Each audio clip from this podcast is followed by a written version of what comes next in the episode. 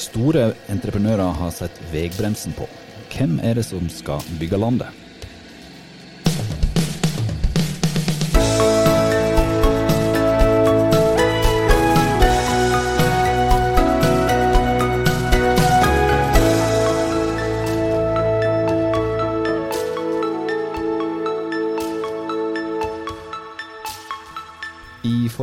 Utgave av Byggeplassen hadde vi landets største entreprenør Veidekke her i studio for å snakke om hvorfor de har sett bremsene på i veimarkedet det siste året.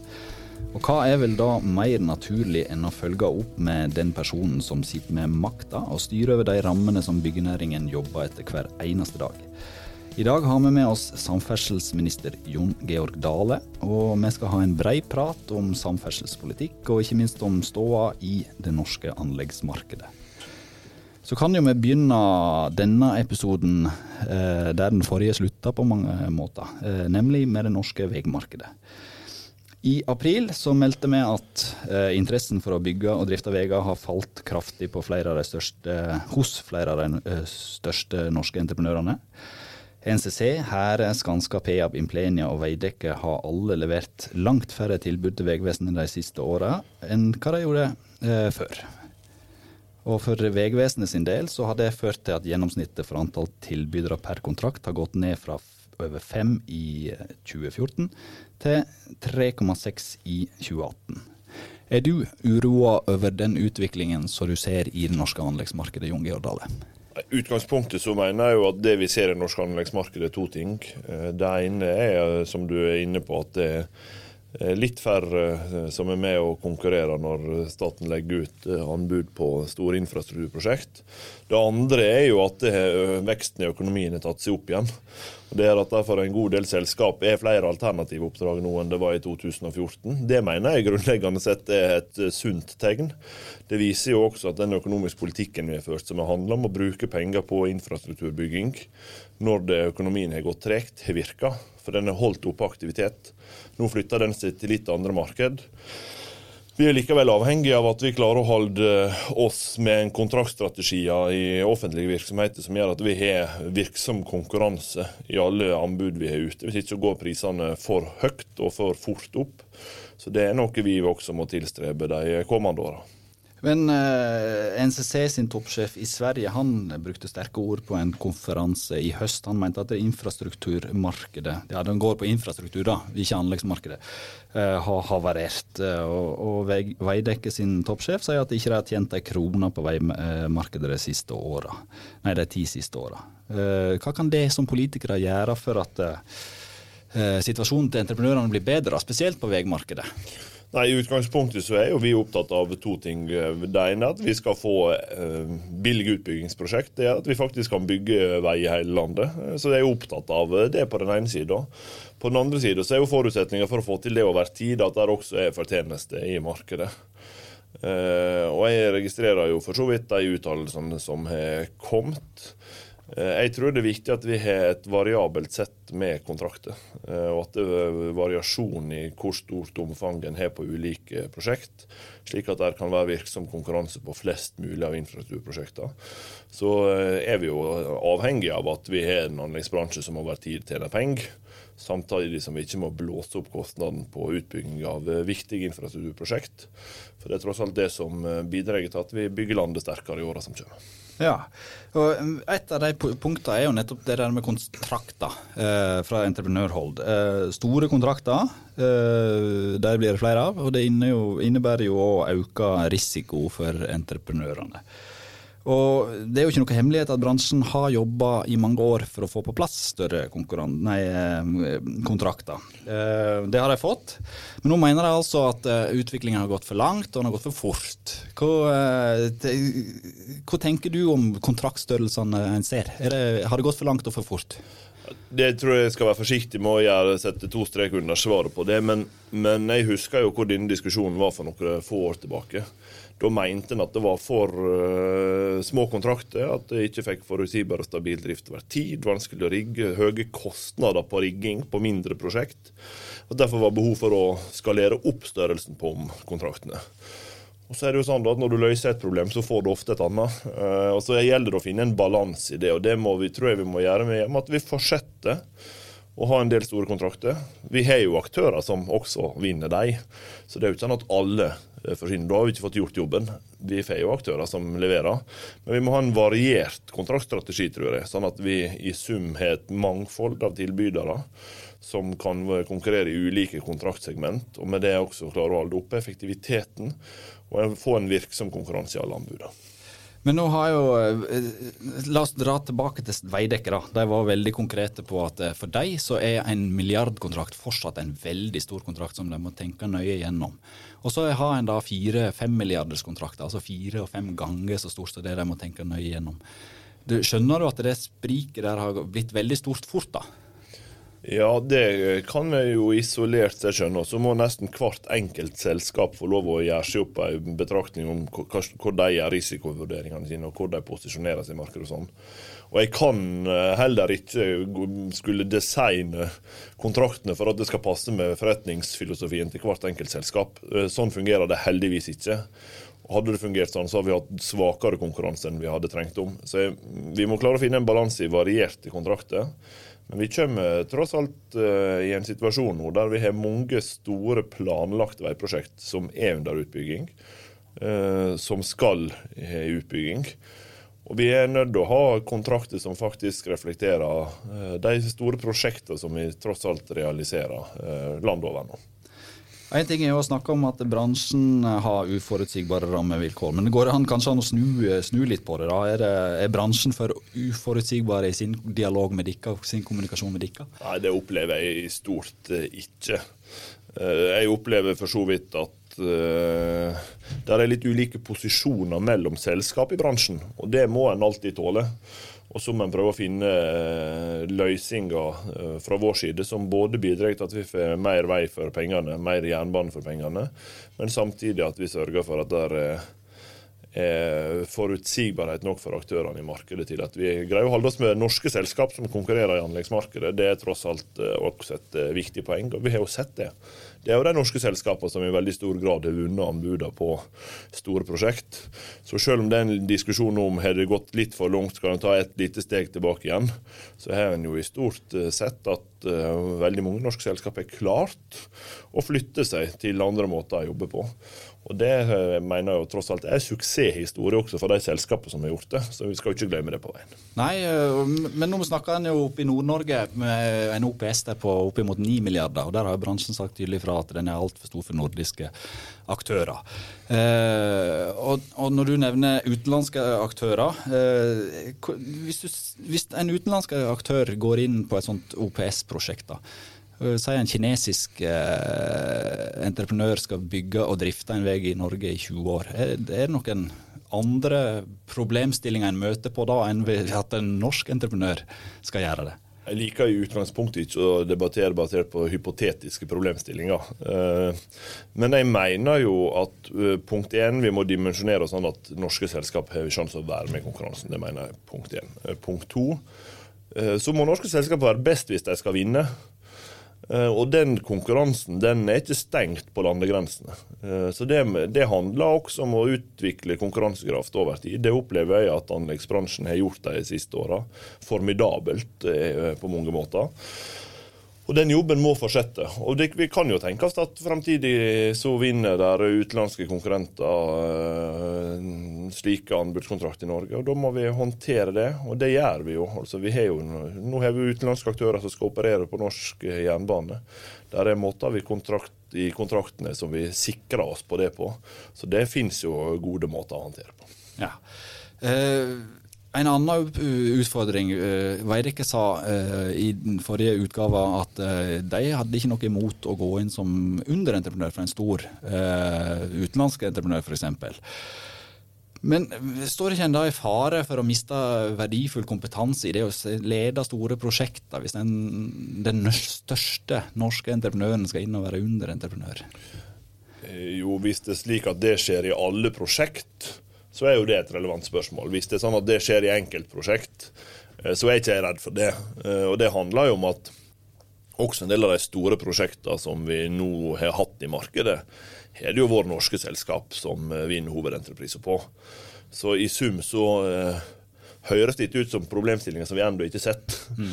Eh, og det er jeg jo glad for, på den ene sida. Og på den andre så, så, må det jo være sånn at hvis, hvis det er den beste måten å bygge ut på, hvis den rette risikoen også for selskapene gjør at de velger det på enkeltprosjekt, ja, eh, så må det være akseptabelt. Ja, og det, En annen ting ved der, den problemstillingen der, da. Arbeidsfellesskap det kunne jo kanskje ha løst noe.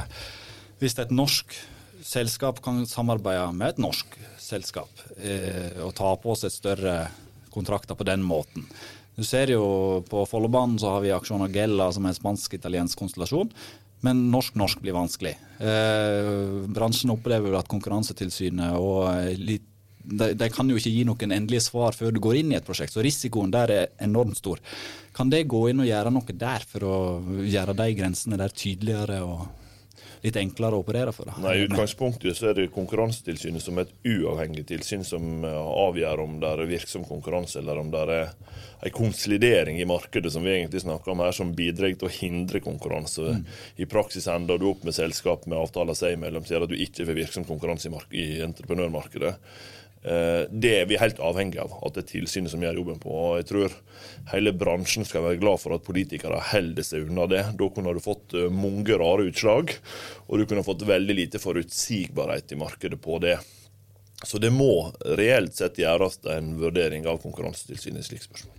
Men du, kan du skjønne den der frustrasjonen som er der eh, blant entreprenørene, når de ser en spansk-italiensk konstellasjon drar av gårde med en sånn, og så står de litt sånn eh, Ja, de har ikke det samme virkemidlet, virker det som. Uh, ja, altså, jeg mener jo der, Jeg følger der, kanskje ja, der, reglene veldig strengt i Norge, har jeg inntrykk av. Ja, i Norge er vi opptatt av at det skal være effektiv konkurranse i markedet. Ja. Uh, Men er den strengere enn i andre deler av Europa?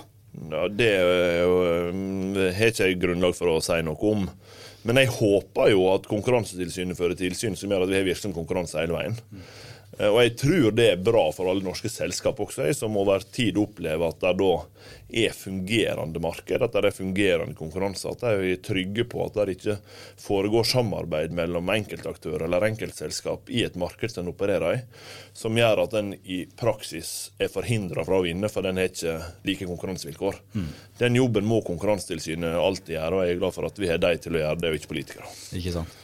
Det tror jeg vi kan være for så vidt enige om. Eh, vi har for så vidt vært innom kostnadskontroll og, og, og den biten. Eh, og Da er det kanskje naturlig, da, i og med at vi nevnte Follobanen og de aktørene som har vært inne der. Det har jo ikke gått helt på skinner, eh, for å si det sånn, på, på tidenes største eh, samferdselsprosjekt her i Norge. I januar så varsla Bane Nor at prosjektet kom til å sprekke med 2,2 milliarder kroner, og prislappen har oversteget 30 milliarder. Eh, åpningen av prosjektet er skjøvet på ett år i tid. Eh, hvor trygg er du nå på at eh, det blir siste overskridelse? Jeg må legge til grunn det som Bane Nor som prosjekteier sier, og de sier at eh, med den situasjonen de har nå, så er de rimelig trygge på det. Og Det må jeg legge til grunn inntil eventuelt hører noe annet. Men jo, du har jo helt rett. Det er et uh, stort uh, prosjekt. Et krevende prosjekt. Uh, og et prosjekt som vi åpenbart bør evaluere godt når det er ferdig bygd, for å hente lærdom av det. Det er høy risiko også for staten når en setter i gang så store utbyggingsprosjekt. Samtidig så var ikke det, det er ikke så lett å bygge tunnel og så stoppe midtveis.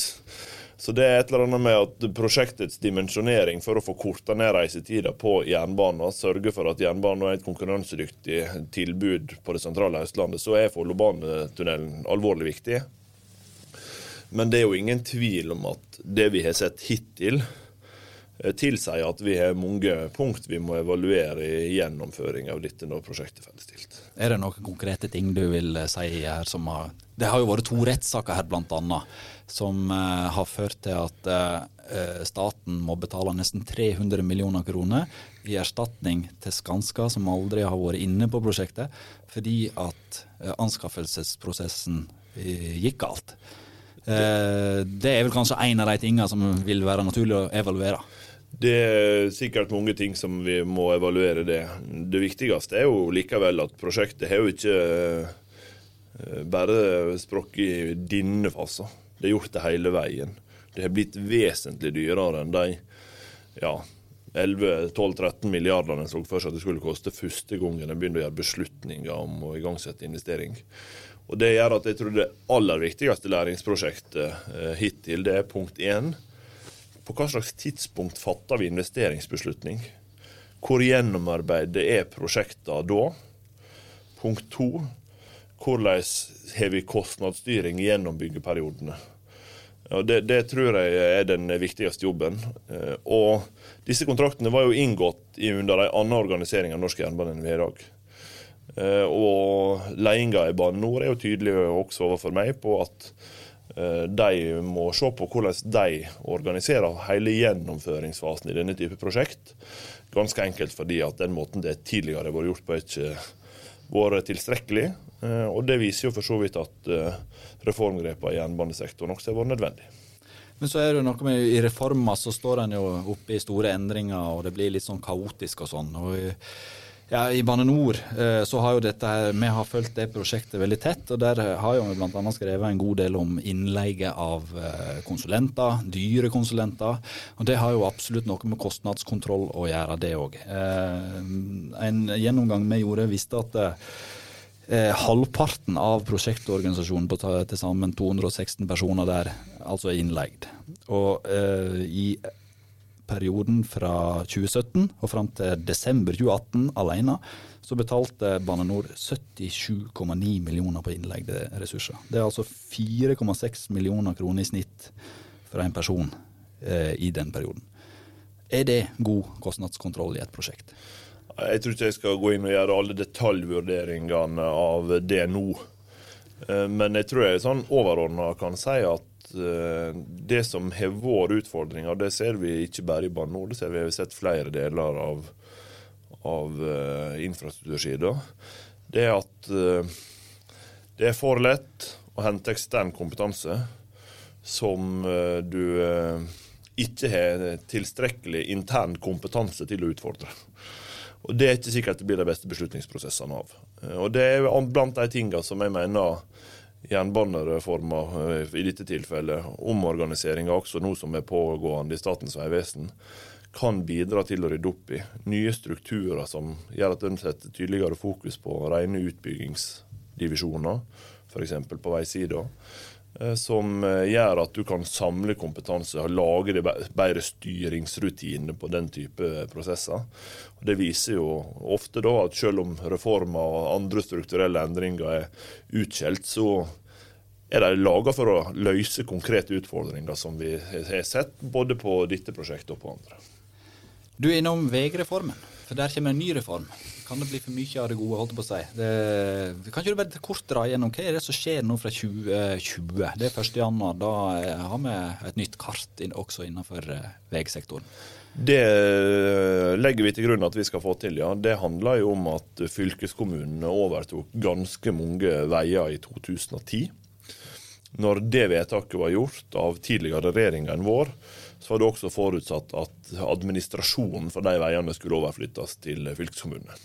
Så laga vi en regionreform eh, som gjør at fylkeskommunene skal være en sterkere regional utviklingsaktør. Da vet vi også at infrastruktur, samferdsel er avgjørende viktig. I veldig mange plasser i landet handler det veldig mye om vei. Eh, og da sier vi at fra 1.1.2020 så skal de som i dag jobber med fylkesvei, men er plassert i Statens vegvesen, jobber med fylkesvei i fylkeskommunene.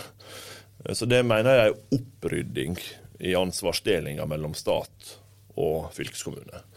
Og så har jo vi sett, eh, når vi gjør det, på hva andre ting burde vi gjort for å både effektivisere Statens vegvesen eh, og få bedre beslutningsprosesser.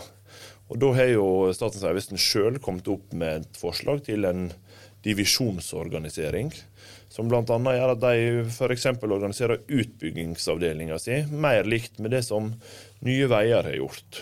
Og jeg tror at det på sikt vil både gi oss kostnadsbesparelser og bedre styring på utbyggingsprosjekter. Eh, Nye Veier eh, har jo egentlig blitt applaudert veldig i vår bransje. Spesielt med forutsigbarhet i finansiering og, den biten der. Eh, og så roper bransjen nå, på at eh, kanskje Vegvesenet og Bane Nor bør få den samme eh, handlingsfriheten der når det kommer til finansiering og sånn. Er det noe som er aktuelt å se på? Jeg mener punkt én at det er all grunn til å bejuble uh, Nye Veier. Det var stor skepsis når regjeringa tok initiativ til å etablere det selskapet i 2013. Nå sier alle at de vil ha veiprosjektene sine inn dit, så det viser jo for så vidt at uh, det av og til lønner seg å tåre å gjennomføre strukturelle reformer. Det er det ene. Det andre er at de hittil har vist gode resultat. Uh, og jeg syns at den tidlige involveringa de har fått til med anleggsbransjen, f.eks åpenbart gir oss noen fordeler både på hva slags løsninger som blir valgt, men også på å få kostnadskontroll, ikke pådra seg unødige kostnader underveis. Rasjonell gjennomføring, ganske enkelt. Så er det nok litt det er forskjell på hvordan du kan utstyre et selskap med finansieringsmuligheter og et direktorat med det. Eh, men jeg mener jo at også etatene mine, som Statens vegvesen, har forutsigbare rammer. De har hatt en enorm forutsigbar vekst faktisk de siste åra. I Nasjonal transportplan ligger det an til videre vekst. Eh, og det er altså sånn at vi bruker 73 milliarder kroner på infrastruktur nå. Der er mesteparten av det, ca. 5, 5 milliarder går til, til eh, nye veier, ca. 3 milliarder går til kystområdet. Resten går på bane og på vei. Der er stor forutsigbarhet i finansieringa. Så jeg mener det er en, eh, for så vidt en interessant debatt, men det må være forskjell på hvordan vi utgjør et selskap med fullmakter, og hvordan underliggende virksomhet gjør. 73 milliarder nå, sier du. Hvordan ser den pila ut framover?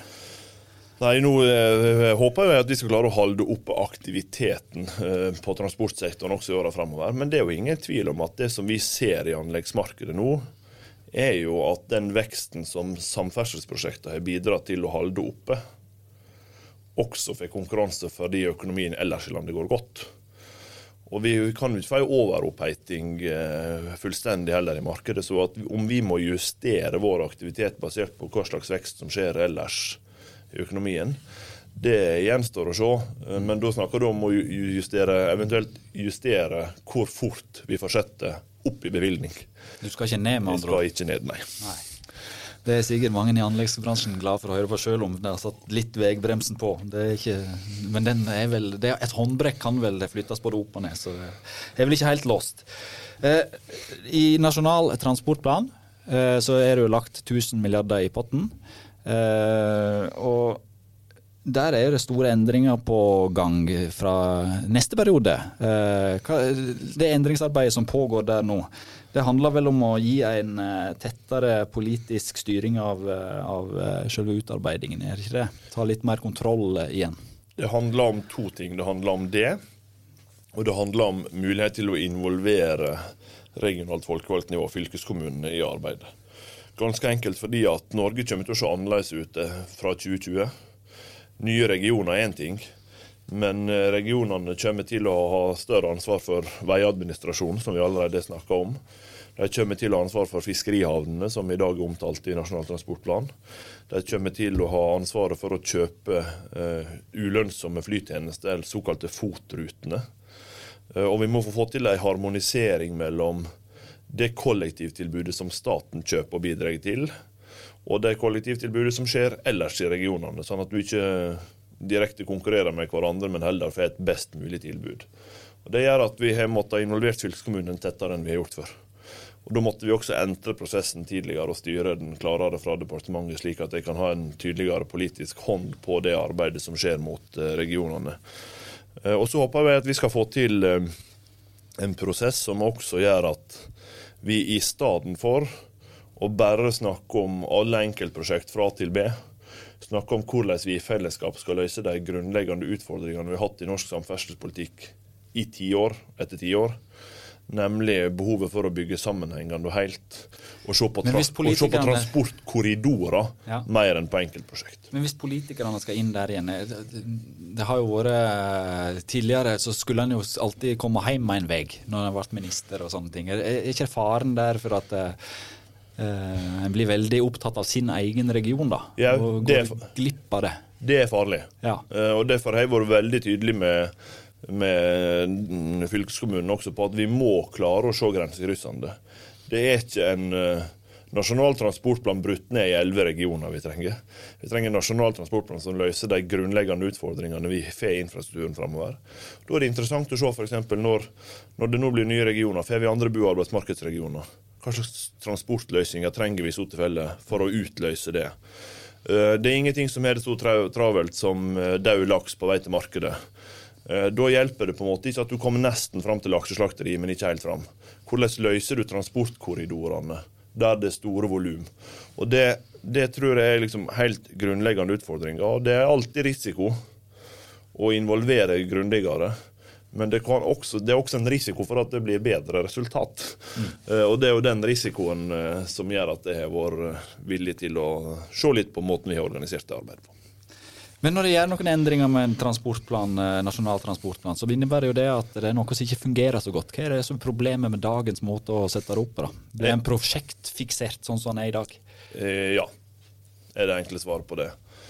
Eh, og jeg tror vi kommer fortsatt til å se en prosjektdiskusjon i NTP. Eh, men vi har jo en veldig detaljert måte å tenke på, og jeg tror en av de viktigste tingene vi må se på, er jo hvordan vi kobler også planlegging og gjennomføring av veiutbyggingene, jernbaneutbyggingene våre, bedre i hop.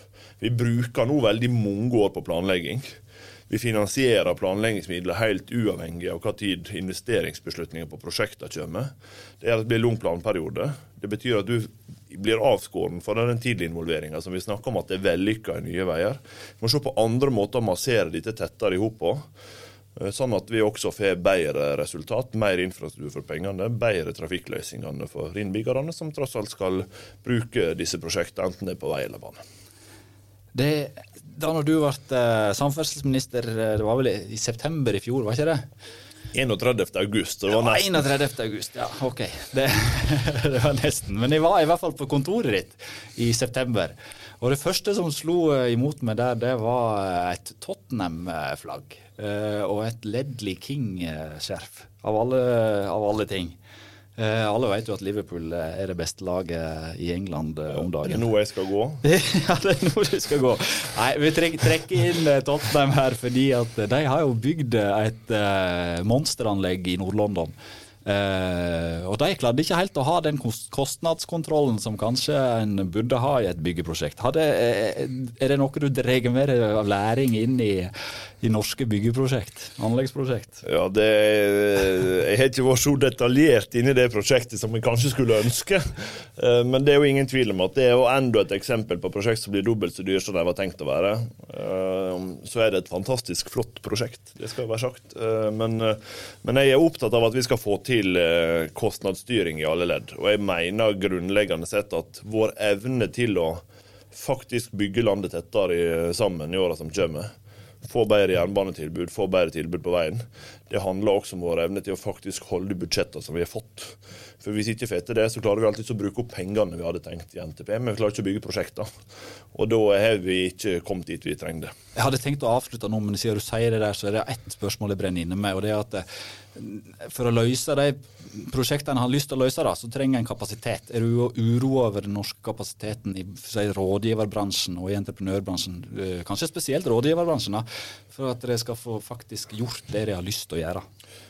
Ja, vi er jo et lite land. Uh, og når det går godt i økonomien ellers, så har vi jo alltid sagt at da må offentlig sektor justere sin aktivitet, sånn at veksten får komme i privat sektor.